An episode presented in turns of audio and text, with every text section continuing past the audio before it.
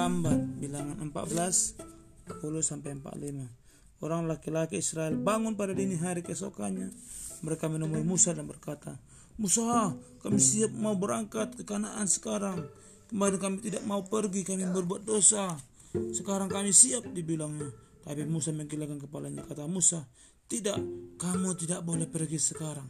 Allah menyuruhmu kembali ke padang pasir kamu harus mematuhinya. Tapi para laki-laki tetap mau pergi juga. Musa berkata, Allah tidak mau menyertaimu. Sudah terlambat sekarang. Lalu para laki-laki berkata, kami mau pergi juga. Jadi mereka pun pergi. Mereka berangkat menuju tanah kanaan. Orang-orang mendiami gunung melihat orang-orang Israel datang. Orang-orang gunung itu berlari menuruni bukit. Siap untuk berperang.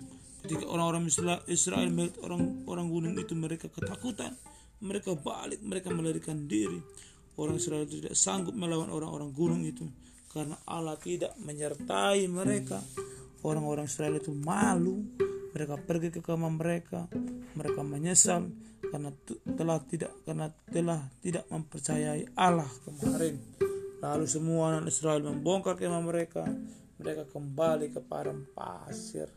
40 tahun mereka berputar-putar di padang pasir sampai semua mereka mati terus anak-anak mereka yang bisa masuk ke tanah Kanaan amin